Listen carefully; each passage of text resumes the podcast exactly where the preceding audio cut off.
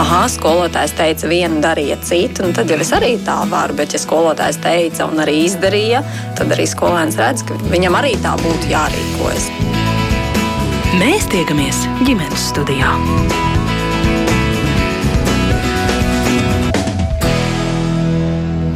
Labdien! Priecājos sveicināt visus ģimenes studijas klausītājus. Mans vārds ir Agnese Linka, šī radījuma producente ir Sarmīta Kolāte.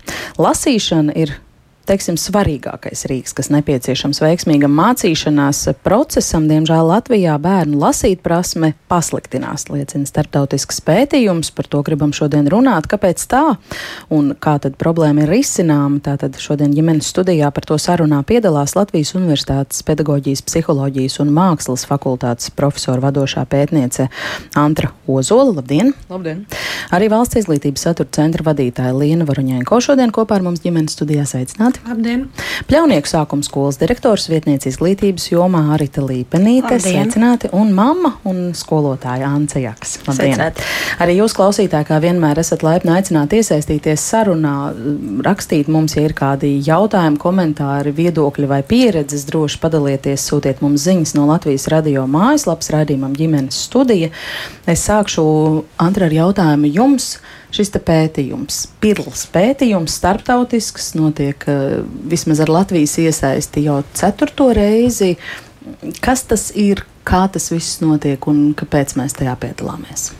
Jā, tātad tas ir liels, liels pētījums. Startautiskas organizācijas vadīts, un tas ir starptautiskais lasītprasmes novērtēšanas pētījums. Aizsākts 2001. gadā, notiek katrus piecus gadus, un mēs arī piedalāmies no 2001. gada. Vienu reizi izlaidām, bet tagad mēs esam piedalījušies 2001., 2006., 2016. un 2021. gadā. Tātad mēs redzam, kā mūsu skolēnu sasniegumi mainās nu jau 20 gadu laikā. Un šis pētījums mēra tieši 4. klases skolēnu lasīt prasmi. Jā. Kāda pandēmija nav atturējusi mūs no dalības pētījumā? Pandēmija ir sarežģījusi visā pasaulē datu savākšanu pētījumā. Jo tātad dati bija jāsavāc 2021. gada pavasarī. Latvijā tas nebija iespējams, un ne tikai Latvijā, bet vēl citās valstīs. Un tad datu savākšana notika trijos viļņos. Bija tie, kas varēja 2021. gadā datus savākt, jo skolas strādāja.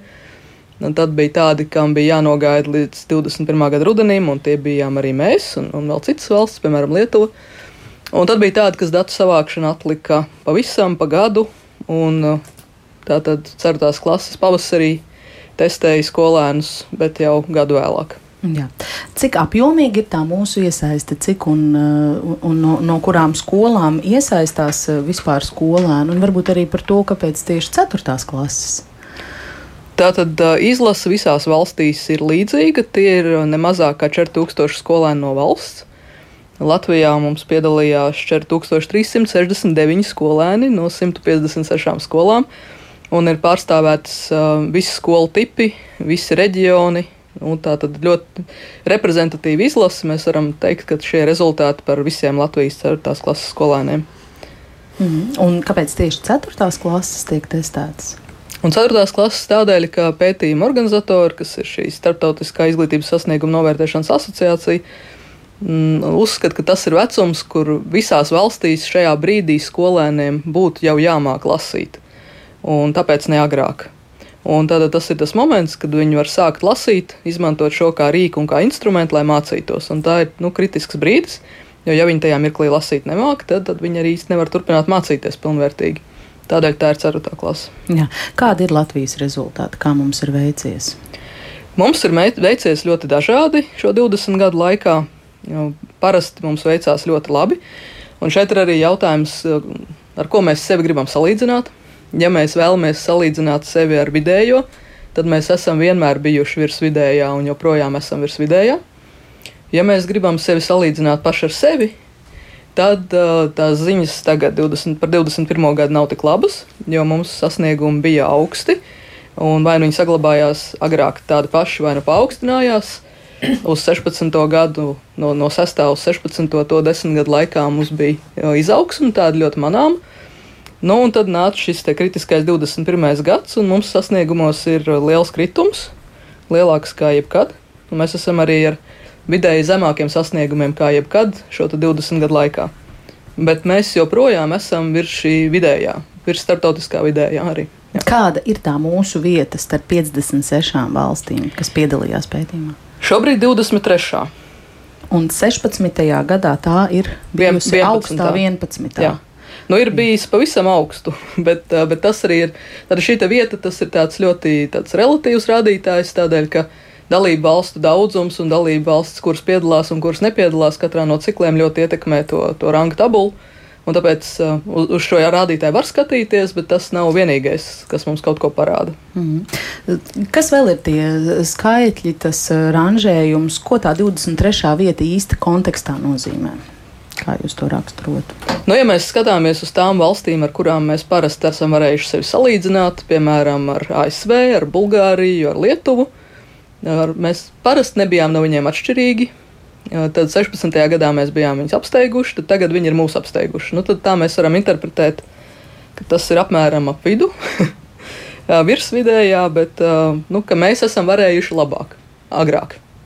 Var teikt tā, ka mēs esam palikuši uz vietas, bet kaut kādas valsts ir gājušas labāk šo ceļu. Mēs esam nokrituši, mums ir kritums. Tā, tad, tā skala ir tāda, ka tur ir nu, 500 punkti vidējais, skalas vidējais. Un uh, standarta novirze ir 100, un mēs esam nokrituši pa 30 punktiem. Mēs neesam palikuši uz vietas šoreiz. Mm. Kas īsti tiek, tiek pārbaudīts? Kā, kā tie rezultāti tiek iegūti? Kas no bērniem tiek sagaidīts no šiem ceturtklasniekiem? Jā, tā tad uh, pētījuma datu savākšanas procedūra ir tāda, ka divas mācību stundas skolēni lasa tekstu un atbild uz jautājumiem, ko viņi izlasīja par, par tekstu. Un uh, vienu stundu lasu vienu tekstu un atbildu, tad ir starpbrīdīts īsiņš, un tad lasu otru tekstu un atbildu par to. Un tad ir vēl starpbrīdīts, un tad ir aptauja, jo šis pētījums ievāc arī uh, papildus informāciju par skolēniem, par viņu attieksmēm un, un, un tādiem jautājumiem. Nu, lūk, un tā tad pētījumā mēra to, kā skolēni saprot to, ko viņi ir izlasījuši. Nemēra ātrumu, uh, nemēra glitakstīšanu, nemēra pareizrakstību neko tādu, uh, bet mēra tieši to, vai, vai skolēns izlasa tekstu, izlasa jautājumu, vai viņš saprot, ko viņam jautā, vai viņš var atbildēt. Nu, nu, lai tās atbildes būtu no teksta, protams. Mm -hmm. Tur ir uh, nianses un atšķirības arī, uh, kurš lasa labāk vai sliktāk uh, pēc dzimuma, kāds ir tas rezultātu izvērsums. Jā, tā tad ar dzimumu un lasīt prasmi ir tā, ka visā pasaulē un visos pētījumos, lielajos starptautiskajos meitenes lasa vidēji labāk nekā zēni. Uh, Ir dažas valstis, kurām nav atšķirības, bet to ir ļoti maz. Piemēram, Spānijā nav atšķirības, agrāk nebija Luksemburgā, un vēl dažās, bet lielākajā daļā valstu, uh, 50 valstīs no 56, atšķirības ir par labu meitenēm, un nav nevienas valsts šajā pētījumā, kur zēni būtu labāk lasītāji nekā meitenes. Mm. Un tad, tur, kur lasīt prasme, mēs mēram jau lielākos vecumos, 15 gadīgiem skolēniem, tur ir tāpat. Tā tad arī meitenes ir labāks lasītājs. Un cik liela ir tā atšķirība pie mums starp puikām un meitenēm? To var kaut kā mērīt. Jā, nu tajos pašos punktos, pārpa 20 punktiem, viņi, protams, arī ir dinamiski. Tad, tad, tad, kad mums bija sasnieguma pieaugums, tā atšķirība samazinājās, jo zēniem pieaugums bija straujāks nekā meitenēm. Tagad mums ir sasnieguma kritums, atšķirība palielinās, ir kā 26 punkti, jo zēnu sasniegumi krituši straujāk nekā meiteņu sasniegumi. Un, uh, ar laiku šī starpība arī nepazūd. Tātad, ja viņi ir 4. klasē, tad viņi ir 9. klasē, viņi nekad neaizaug. Un tā ir vēl viena problēma, faktiski, kas nu, rada zēniem sarežģījumus tālākajā izglītībā. Jā. Es zinu, ka arī uz rezultātiem zināma ietekme ir socioekonomiskajam stāvoklim, tieši kādā ģimenē bērnam ir veicies piedzimt. Un arī jūs sākumā pieminējāt, ka dažādi skolu tipi ir piedalījušies šajā pētījumā. Kādas tur ir tās atšķirības? Nu, Sociālais stāvoklis jā, vienmēr ir ļoti saistīts ar sasniegumiem, un uh, Latvijā, protams, arī. Bet uh, mēs uh, paskat, gribējām redzēt šos sasniegumu kritumus skaidrojot, uh, vai, piemēram, nu, tāda hipotēze bija tāda, ka var, varbūt ka tas sociālais stāvoklis ir devis kādas priekšrocības, un varbūt ka skolēniem, kuriem šis stāvoklis ir augsts, varbūt viņiem sasniegumu kritums nebija tik liels. Uh, Mēs to pārbaudījām un konstatējām, ka visās sociālā-ekonomiskā stāvokļa grupās sasnieguma kritums ir apmēram vienāds. Tātad, um, lai kas arī notika ar mūsu uh, izglītību tajā brīdī, tad, tad tas kā ar visus skolēnus vienādi. Jā. Un par lielākām, mazākām skolām, sākuma skolām, pamatskolām, vidusskolām Rīgā reģionos tās salīdzinot? Jā, tātad Rīgā tradicionāli vienmēr ir bijuši visaugstākie sasniegumi, un tā joprojām ir. Tad Rīga vidēji visaugstāk. Tad um, reģionu un lauku skolas, nu, lauku skolām parasti ir viszemākie, un tā joprojām ir. Bet šeit es vēlos piebilst to, ka ir ļoti dažādas Rīgas un lauku skolas, un mēdz būt lauku skolas ar ļoti augstiem sasniegumiem, un mēdz būt Rīgas skolas ar ļoti zemiem. Bet, ja mēs skatām visus kopīgi, ja, tad mēs redzam tās tendences, ka tomēr Rīga augstāk un, un lauka zemāk. Ja. Un par skolu tipiem. Um, šajā ciklā Rīgas pamatskolām bija augsti rezultāti, lauku sākuma skolām bija salīdzinoši augsti rezultāti. Un, nu, tālūk. Jā. Ir vēl kaut kas tāds eh, svarīgs, ko akcentēt eh, tieši pētījuma rezultātos, ko mums būtu svarīgi dzirdēt. Nu, ja mēs vēlamies eh, pievērsties skolēnu attieksmei, tad, tad, tad, tad tur mēs redzam izmaiņas.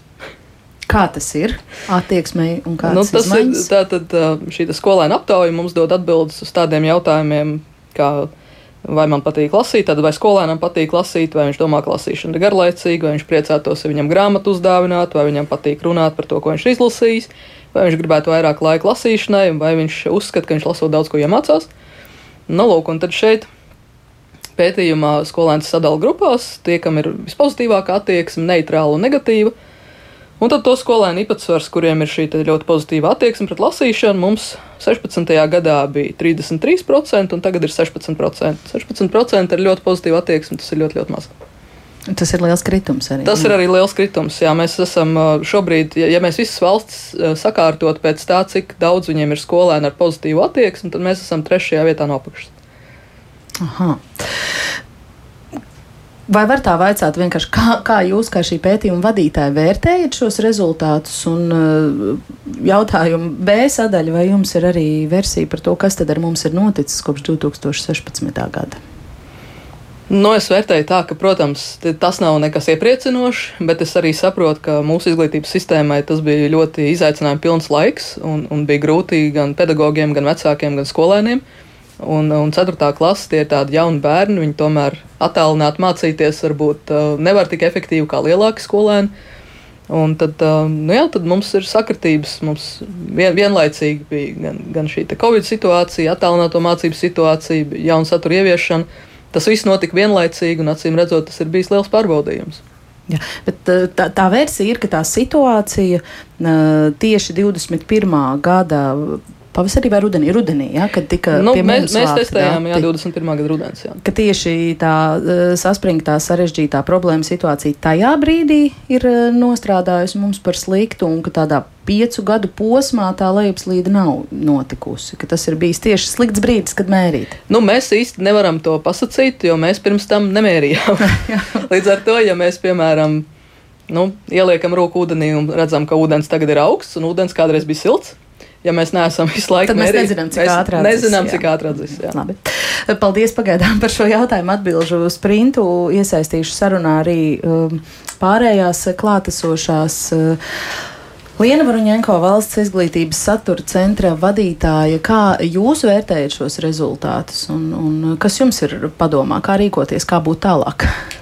Pētījums noteikti apstiprināja tās tendences, kuras mēs um, jau varējām sajust pēdējos gados, nu, citās vecuma grupās, gan skatoties uz valsts pārbaudas darbiem, attiecībā uz to, ka aizvien grūtāk mūsu bērniem kļūst izprast uzdevumus, ko viņi lasa. Un uh, arī veidot uh, jēgpilnas atbildes, un skatoties tomēr uz šiem rezultātiem, es gribētu teikt, ka droši vien ir jāpastāsta arī spogulī pašai sabiedrībai, jo, ja mēs prasām bērniem lai viņi būtu lasoši, tad droši vien, ja mēs mērītu pieaugušo uh, iesaisti grāmatu lasīšanā, mums arī nebūtu visnotaļ iepriecinoša aina. Ir vairāki objektīvi iemesli, par kuriem, manuprāt, ir jādomā. Īpaši pirmskolas vecuma posmā, nu tātad, ja mēs mērījām desmit gadus vecu bērnu lasīt prasmi, bet zinām, ka ap sešiem, septiņiem gadiem veidojās šī lasīta prasme, kas tad mums notiek līdz šiem sešiem, septiņiem gadiem. Man liekas, ļoti daudz sabiedrībā atbildības par bērnu lasītu prasmi tiek uzlikts uz pirmskolas pleciem, uz pirmskolas pedagoģu pleciem. Aizmirstot, ka lasīt prasme īstenībā veidojās jau bērnam piedzimstot, un, viņa vārdu krājums, viņa uztvere, viņa attieksme. Tas ir tāds ilgtermiņa sabiedrības un ģimenes darbs. Ja man prasa, kas ir tā galvenā atšķirība, bērniem vārdu krājums ir daudz mazāks nekā iepriekšējos, varbūt desmitgadēs, kad viņi nāk uz izglītības iestādi. Tas noteikti liecina, ka mums ir ļoti daudz informācijas avoti, kas nav grāmatas, un tie nav tik plaši. Un otra lieta, manuprāt, aizvien vairāk mēs redzam, ka bērni lasa mehāniski, bet varbūt nevienmēr spēj izprast uzrakstītā jēgu. Un šīs ir divas tiešām svarīgas lietas, kuras mēs varam risināt bet uh, tur būs vajadzīga arī visas sabiedrības iesaiste. Jo nepietiks ar to, ka mēs pateiksim, ka bērnam pirmajā klasē ir jāmāk lasīt, vai ka vecākam ir jāizved bērns uz bibliotēku. Um, jautājums ir, vai mēs paši gribam mainīt šo situāciju kā sabiedrība.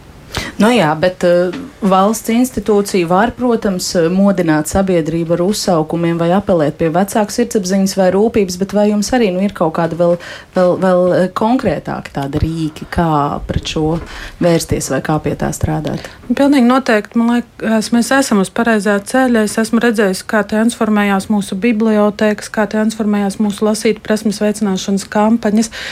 Un man liekas, mums ir visnotaļ labi rezultāti tiem bērniem, kas ir lasoši un kuriem patīk lasīt. Mēs piedāvājam jaunāko literatūru, mēs piedāvājam dažādas iespējas. Tas, kur mums ir neatbildēti jautājumi, ir tiešām pieminētā zēnu mērķa auditorija. Man liekas, jau 4 vai 5 gadus atpakaļ mēs sākām diskusiju par to, ka mums nav līdz galam instrumentu un risinājumu tiem bērniem, kas vēlētos lasīt digitāli. Respektīvi, tās nav grāmatas PDF formātā. Tas ir pavisam jauna pieeja mm, digitālajai lasīt prasmei. Un, diemžēl mūsu ir tik maz sabiedrībā, ka šādu nu, tādu risinājumu radīšana noteikti ir ar ļoti augstām izmaksām. Tātad un, tas nebūs, to mēs zinām. Nē, Naudas es domāju, nav, ka jūs turaties. nē, es domāju, ka šis ir kā reiz ļoti labs signāls, pie kā mums ir jāstrādā, jo noteikti pētījumā iesaistītie mācību spēki apliecinās, ka mēs ejam uz to, ka mums aizvien vairāk tomēr gan testi, gan eksāmeni nu, kļūst digitāli, un līdz ar to mums nāksies lasīt mm. savādāk nedaudz nekā mēs esam pieraduši. Un uh, otra lieta tiešām ir spēt paskatīties, kā kā mēs vēl varam papildināt to piedāvājumu ar emocijām, jo nenoliedzami vērtības, lasīt prasmi, rēķina pratību. Bērns drīzāk iemācās caur pieredzi, caur emocijām, ne tik daudz tehniski. Un šo mēs varam labot ar tādiem instrumentiem, kā mums ir skolas soma, Latvijas skolas soma. Mums ir uh, iespēja radīt uh, pieejamību kultūras pasākumiem vai bibliotēkām un caur šo pozitīvo pieredzi mudināt arī vecākus vairāk lasīt. Mm -hmm. Pētnieki pieņem šo kā efektīvu plānu ar punktiem tādiem, tādiem, tādiem. Jā, noteikti. Jebkurš plāns, ja, ja tas izdodas, eh, ja to izdodas realizēt, tad tam būtu noteikti jānostrādā. Jā. Par vecākiem runājot, tad uh, vecāka attieksme pret lasīšanu, tas pozitīvu atbildžu īpatsvars ir augstāks, vairāk kā 20%. Mm. Bet, ja vecāks ir tāds, kuram pašam šī lieta neinteresē, nu, tad bērns neteiksim, ka ir pamests likteņa varā, bet ir, bet ir skolas rokās. Um, jautāšu arī jums, jūs esat Pļaunieku sākuma skolas direktors vietniece izglītības jomā. Ticu, ka arī mācāt pati kaut Jā. ko, ne tikai vietniekojat direktori. Ar kādām uh, pārdomām vai secinājumiem jūs uzklausāt uh, šādu izklāstu par to, nu jā, ka, ka, ka ziņas nav sevišķi labas attiecībā uz mūsu bērnu lasīt prasmi? Jā, pētījuma rezultāti apliecina īstenību. Mācot dažādos posmos posmus un esot realitātei skolā ar skolas skolēniem.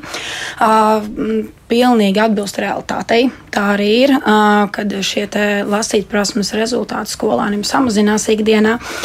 Un to visbiežāk mēs arī ikdienā jūtam, ko jau iepriekš arī piekrītu visam, ko iepriekš teiktajam, pilnīgi atbalstu. Bet ļoti izteikti parādās to, ka skolēniem trūkst tieši lasīt izpratne uzdevumu nosacījumu saprašanā. Un tas arī aiziet tālāk nākamajā mācību sasniegumu rezultātos.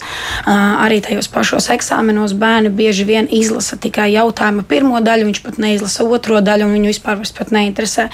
Un te um, nāk līdzi tas sabiedrības. Tas tas, jo mēs dzīvojam tādā šobrīd pārmaiņu laikmetā, mums sāk viss notiek 20 reizes ātrāk. Mums ir ātri jāapspēj izlasīt, mums ir ātri jāapspēj izdarīt tas, tas, tas viss ir pa laiku, un, bet lasīšana, lasīt prasme prasa laiku. Un te ir tā lieta, kā, kā mēs izvēlamies pavadīt savu laiku, un vai mēs veltam laiku lasīt un lasīt prasme. Jo tās ir divas arī nu, daž, dažādas lietas. Uh, arī runājot par tiem posmiem, tad uh, mehāniska lasīšana jā, notiek bērnam jau no, no, no dzimšanas līdz pat 6, 7 gadu vecumam. Viņi lasa, un mums bieži vien ir tādas situācijas, kad atnāk māmiņas, ka viņš man visu vakaru sēž un, un lasa. Bet tā nav lasīt prasme, jo viņš ir bērnu dārzā iemācījies mehāniski saburtot burtiņš, viņš, viņš māca lasīt, tur olu skola, pasaka, asaka un tā tālāk. Viņš saburto, viņš to saprot. Bet tad, kad viņam pajautā, kas ir tas, ko tu izlasīji, to vārdu, to nozīmi, un te parādās tie brīnumi ar vārdu krājumu. Kad mums pirmajā klasē bērns izlasa pasaku par bērnu kļavu liepu, viņš nezina, kas tas ir. Un man nāk kolēģis saķērušas galvu, un viņas saka, ārprāts, man ir jāmāca vārdi. Viņš izlasa vārdu, un viņš jau nesaprot. Un te arī tas kopā ar to sabiedrību, ka nu, pilnīgi piekrītu, ka mums ir jābagātina sabiedrībā bērniem šī kultūra, izpratne par to, ka viņam tomēr ir jāzina.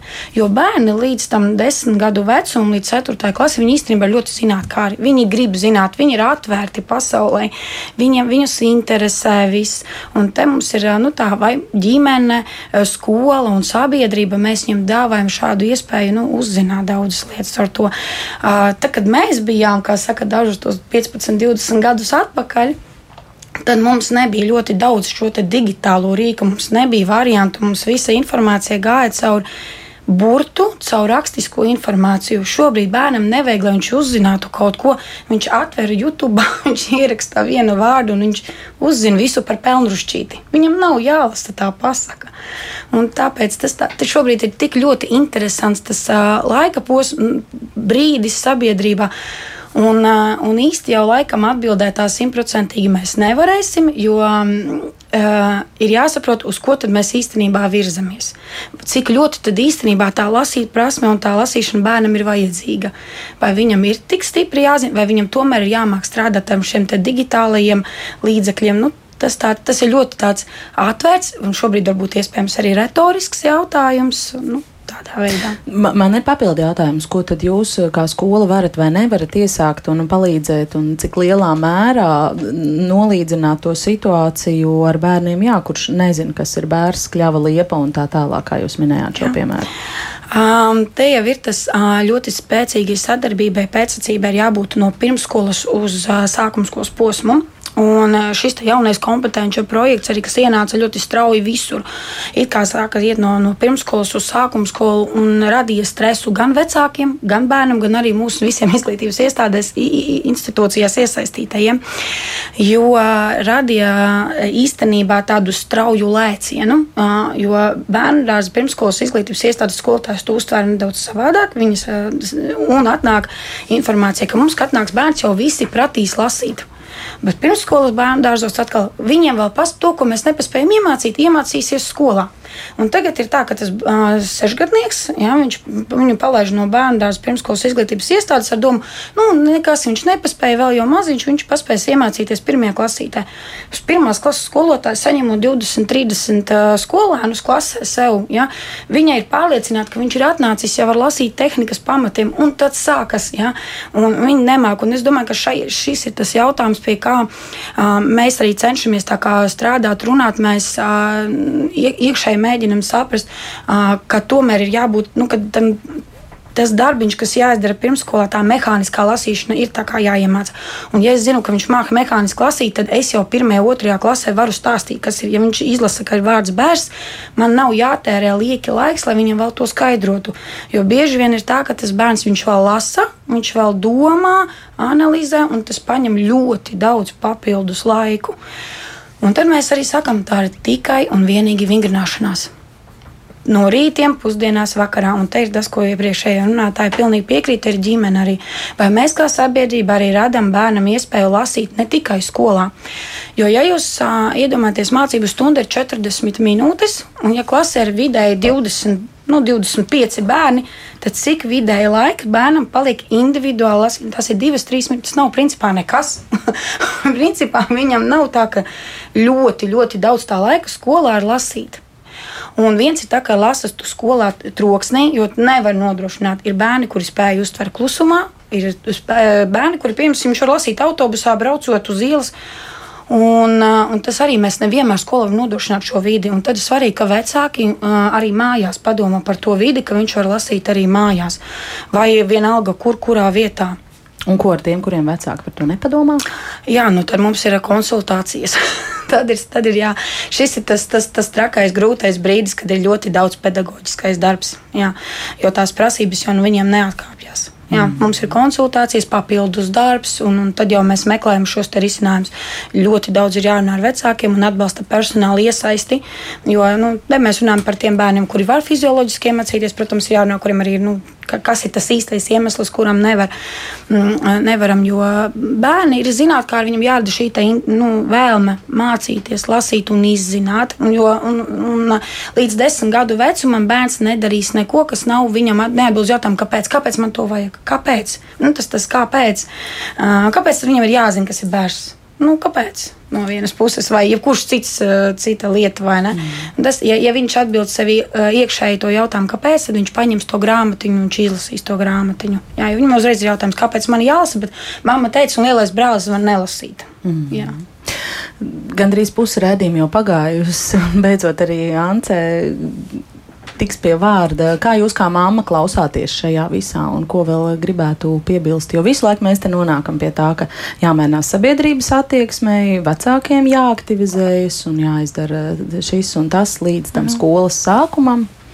Jūs esat maza bērnu māmiņa. Jā, jā, man ir uh, meita, kas ir tikko pabeigusi pirmo klasi, un uh, puika, kam to četri gadi apritēs. Un, uh, mani, protams, iepazīstoties ar šiem pētījumu rezultātiem, uh, Nu, es, negribu, es nesaucu sevi par eh, dramatisku un histērisku mammu, bet nu, ļoti satraucoši tie rezultāti ir. Jo, nu, eh, neraugoties uz to, ko es un mēs mājās mēģinām darīt, lai šo lasīt prasmu bērnos veicinātu, eh, nu, viņi jau neaug izolētā vidē. Un, un, un tas, es, un mani biedē kā māmu tas, kā manas ģimenē ieguldītais darbs un kaut kādas pūles, eh, nu, sava bērnu prasmju attīstīšanā vai attieksmju veidošanā, kā tas var pagaist vai tieši otrādi, ideāli gadījumā stiprināties, tad, kad viņš nonāk tajā skolas vidē, savu vienaudžu vidē, kam ir pilnīgi iespējams citas intereses. Un tas, ko, tas pie kā, bet, bet nu, neraugoties uz tām visām raizēm, varbūt eh, ar ko es sāku, um, es eh,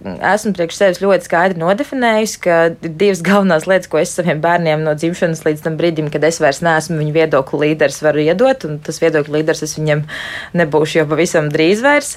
Tas ir viens ir sarunas kopīgas, un, un, un otrs ir piemērs, ko es rādu. Un, un lasīšana tādā ziņā ir ļoti, ļoti uzskatāms, uzskatām prasme, kurā es to varu un izvēlos demonstrēt.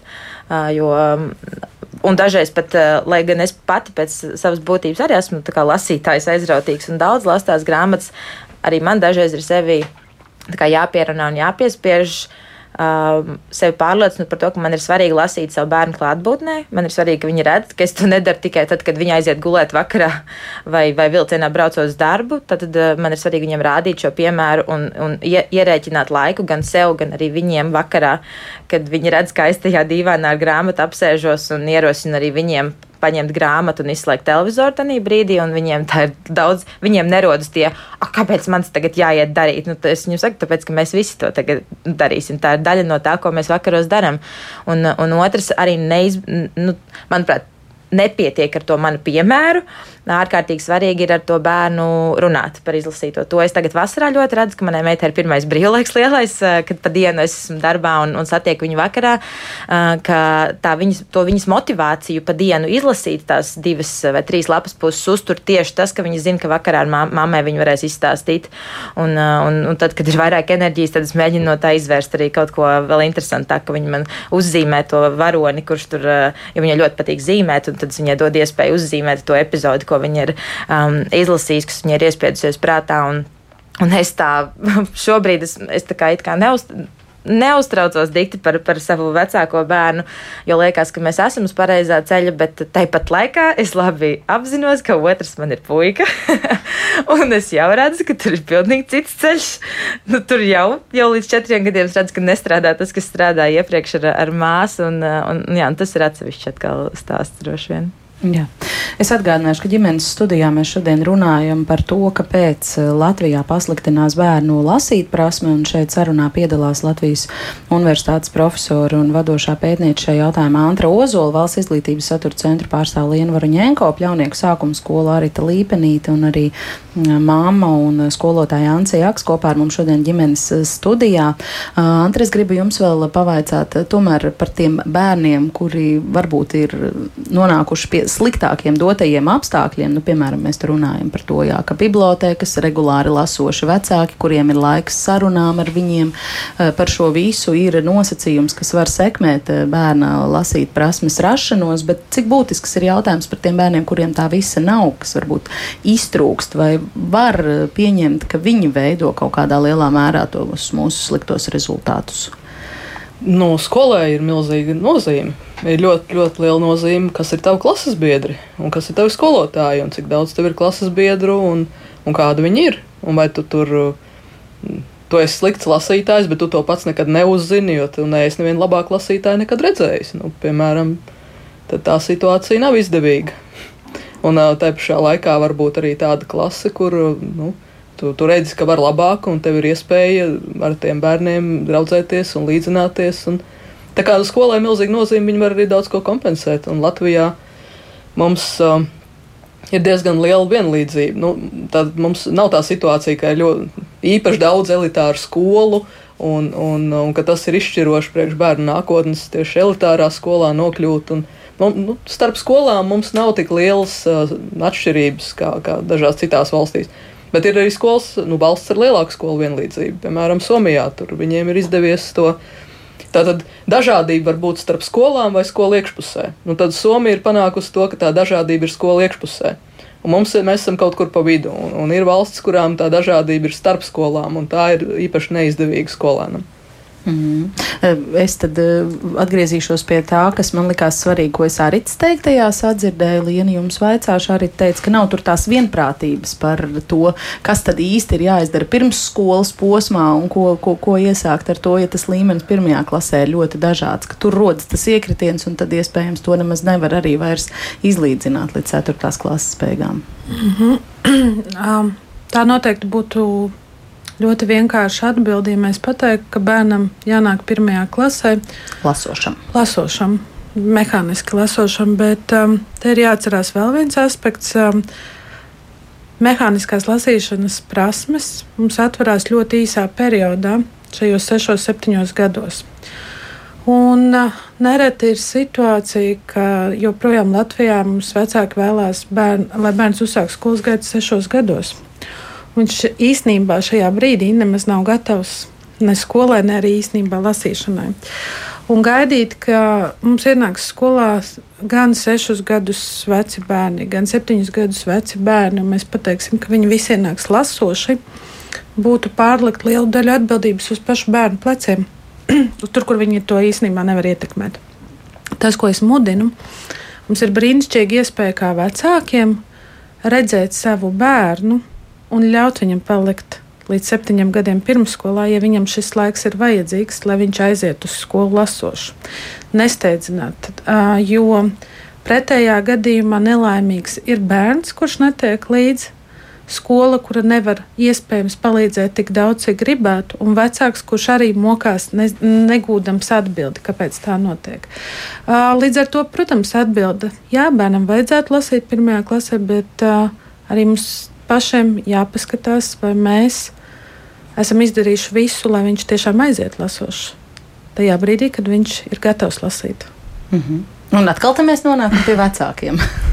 es domāju, mēs nonākam viens pie otra. Jo, ja mēs runājam par bērnu vispār sniegumiem un tālāko dinamiku un pozitīvu mācīšanās pieredzi, jo lielāku pozitīvo mācīšanās pieredzi mēs viņam iedodam šajā vecuma posmā, jo veiksmīgāks ir viņa mācīšanās process vispār izglītībā.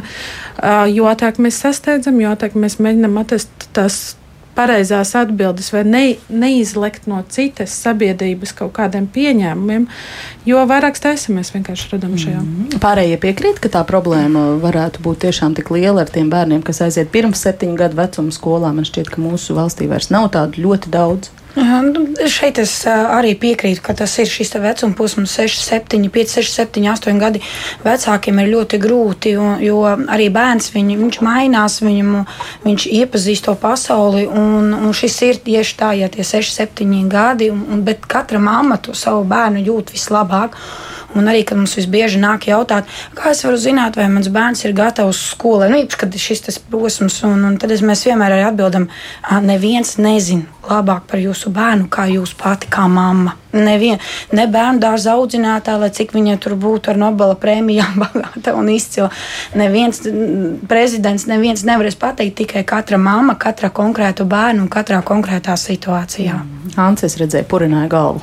Man, man vienkārši nav tik viennozīmīgs kā mammai viedoklis par tiem sešiem, septiņiem gadiem, jo, manuprāt, mēs ļoti daudz lietojam to frāzi, un katrs to iespējams saprotam dažādi par to gatavs skolai.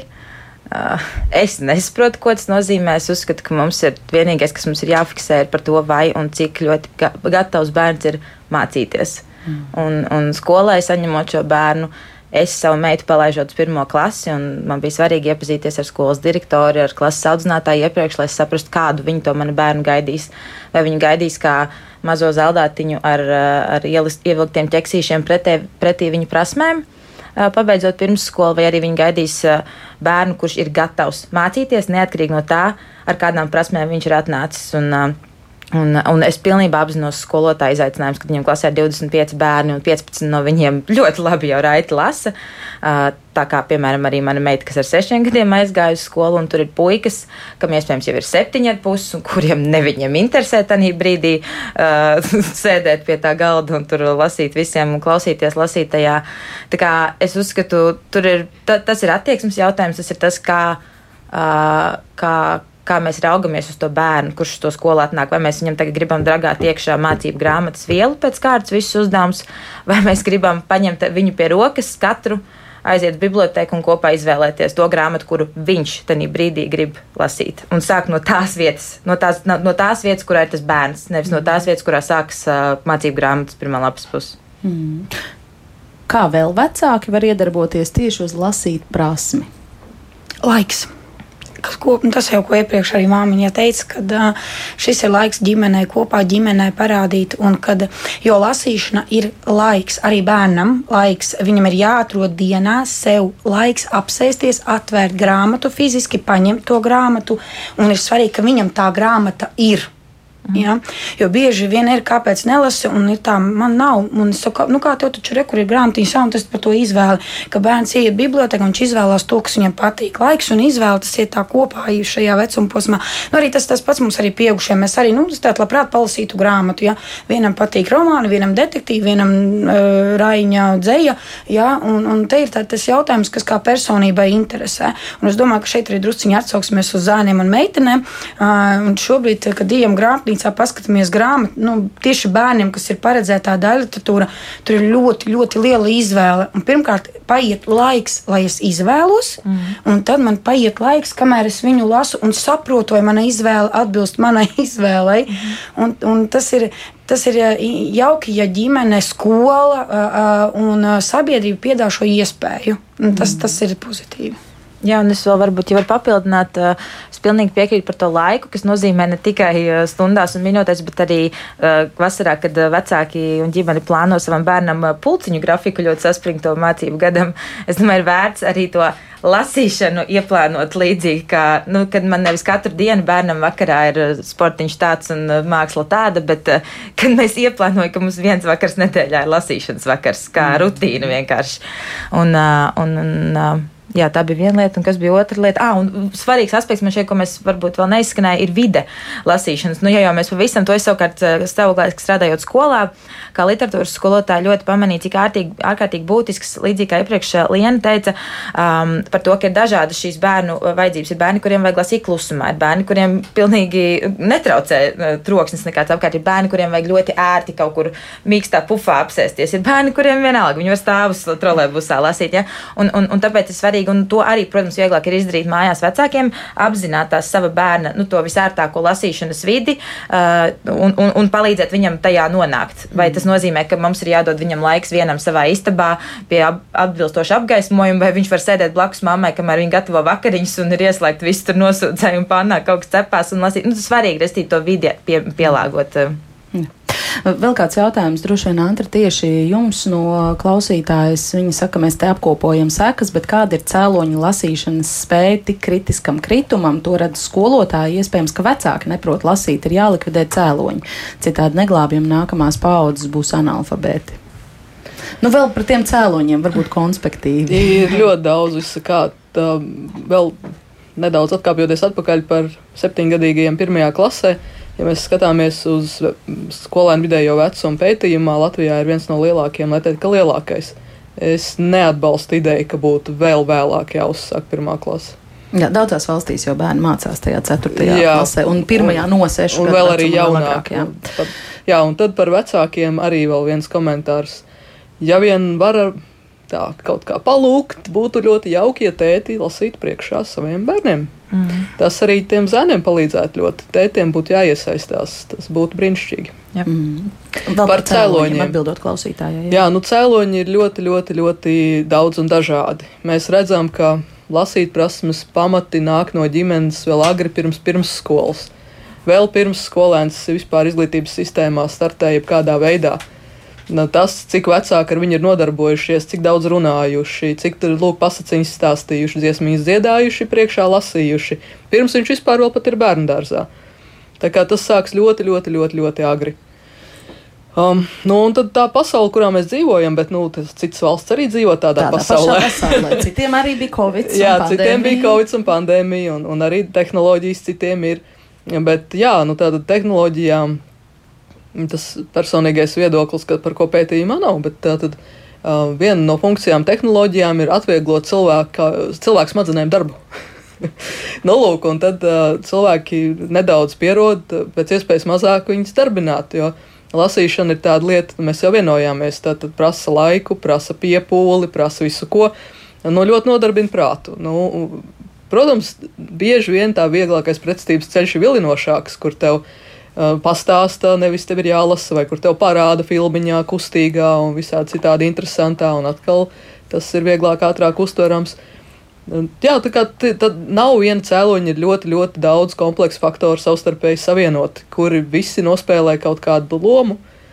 Nu jā, tad tur nav viens atbildes. Jā, vai uh, jums droši vien ir arī zināms, kurās valstīs ir labākie rezultāti, vai ir jau paspēts uh, pāanalizēt, kas tur ir labu rezultātu pamatā, kas ir darīts? Mm, tā ir dažādi. Nu, vislabākie, visaugstākie ir Singapūrā šobrīd. Vispār Āzijas valstīs ir ļoti augstu jau krietnu laiku. Uh, Nu, bet viņiem ir pilnīgi citādāka izglītības sistēma, viņiem ir citi apstākļi, viņiem ir milzīga konkurence, izglītībā ir milzīga nozīme. Tā ir diezgan klasiska nu, izglītības sistēma, kurā joprojām ir daudz disciplīnas un, un liels slodzes skolēniem un, un tā tālāk. Jo tas ir ļoti saistīts ar nākotni, kāda tam bērnam būs, un tāpēc vecāki ļoti, ļoti, ļoti, ļoti ar to no, ir nodarbināti un arī skolēni un ļoti motivēti.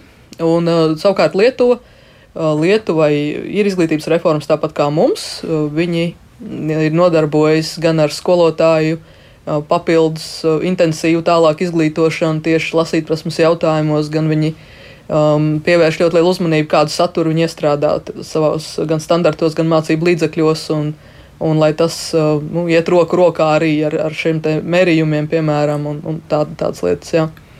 Un arī sabiedrības iesaistīšana, jā, visas tās kampaņas, kur tēti lasa un zēni lasa un valsts prezidents lasa un, un influenceri lasa, un tas viss strādā. Tad, to mērķa auditorija ir jāsasniedz, lai tas šķiet interesanti, un kaut vai tikai tāpēc, ka es gribu līdzināties, es varētu pamēģināt palasīt. Jā.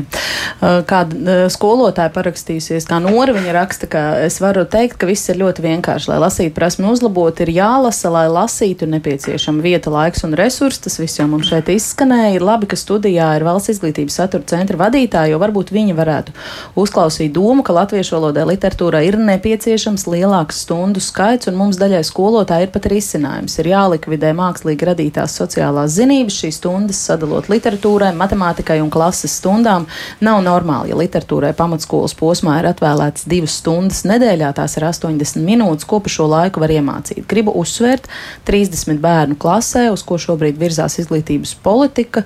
Nu, tas ir par maz bērnu. Ļoti labprāt lasītu jaunās grāmatas par to cenu, man taču nekas nav jāsaka, vai ne? Tātad jauno bērnu grāmatu pilnas bibliotekas un stundu sarakstā literatūra vismaz 4 stundu apjomā.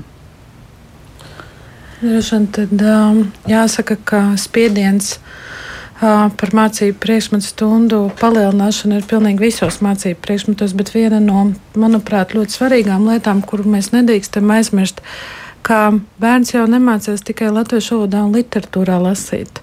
Īsnībā tas, kur mums ļoti bieži ir problēmas, ka bērni nemāk lasīt fizikā, bērni nemāk lasīt mm. matemātikā. Un, uh, Mums ir tikpat ļoti būtiski, ka skolotājs, kas strādā ar bērniem, saredz lasīt prasmes problēmas arī citos mācību priekšmetos, un ka mums ir kopīga sadarbība skolā, kā mēs risinām šo problēmu. Jo lasīt prasme nav tiešā veidā droši vien izrietoši tikai no latviešu valodas un literatūras. Bet, jā, kopumā pilnīgi piekrītot, ka mums ir vajadzīga vajadzīgs papildināt grāmatu plauktus ar jaunāko literatūru. Mēs to esam mēģinājuši sadarbībā ar Nacionālo biblioteku darīt. Mums vienalga ir jāmeklē risinājumi, kā uzrunāt tos bērnus, kuri šodien neredz iemeslu paņemt grāmatu un lasīt. Mums vienalga būs jāmeklē tieši tāpat, kā kolēģi teica, no universitātes, uh, caur kādiem sabiedrības kampaņas risinājumiem mēs tomēr tam bērnam atvērsim šo pasauli, ja viņam vecāks to neatver. Un mums nav daudz laika. Katrs gads šajā ciklā ir ļoti svarīgs. Mm -hmm. Bet es tomēr eh, vēlreiz jautāšu, nu, varbūt jums ir kādi uh, konkrētāki rīcības plāna punkti, lai mēs neturpinātu to kritienu lejup nu, vēl bez sabiedrības kampaņām un bez um, vecāku modināšanas? Nu, viens no tiem ir noteikti plānotais pārejas modelis uz to, ka mēs monitorējam bērnu lasīt prasmi, vai drīzāk tekstu pratību 3. un 6. klasē. Tad mēs plānojam tuvākajos gados jau pāriet nevis uz latviešu valodas monitoringa darbiem, bet uz tekstu pratības un rēķinu pratības.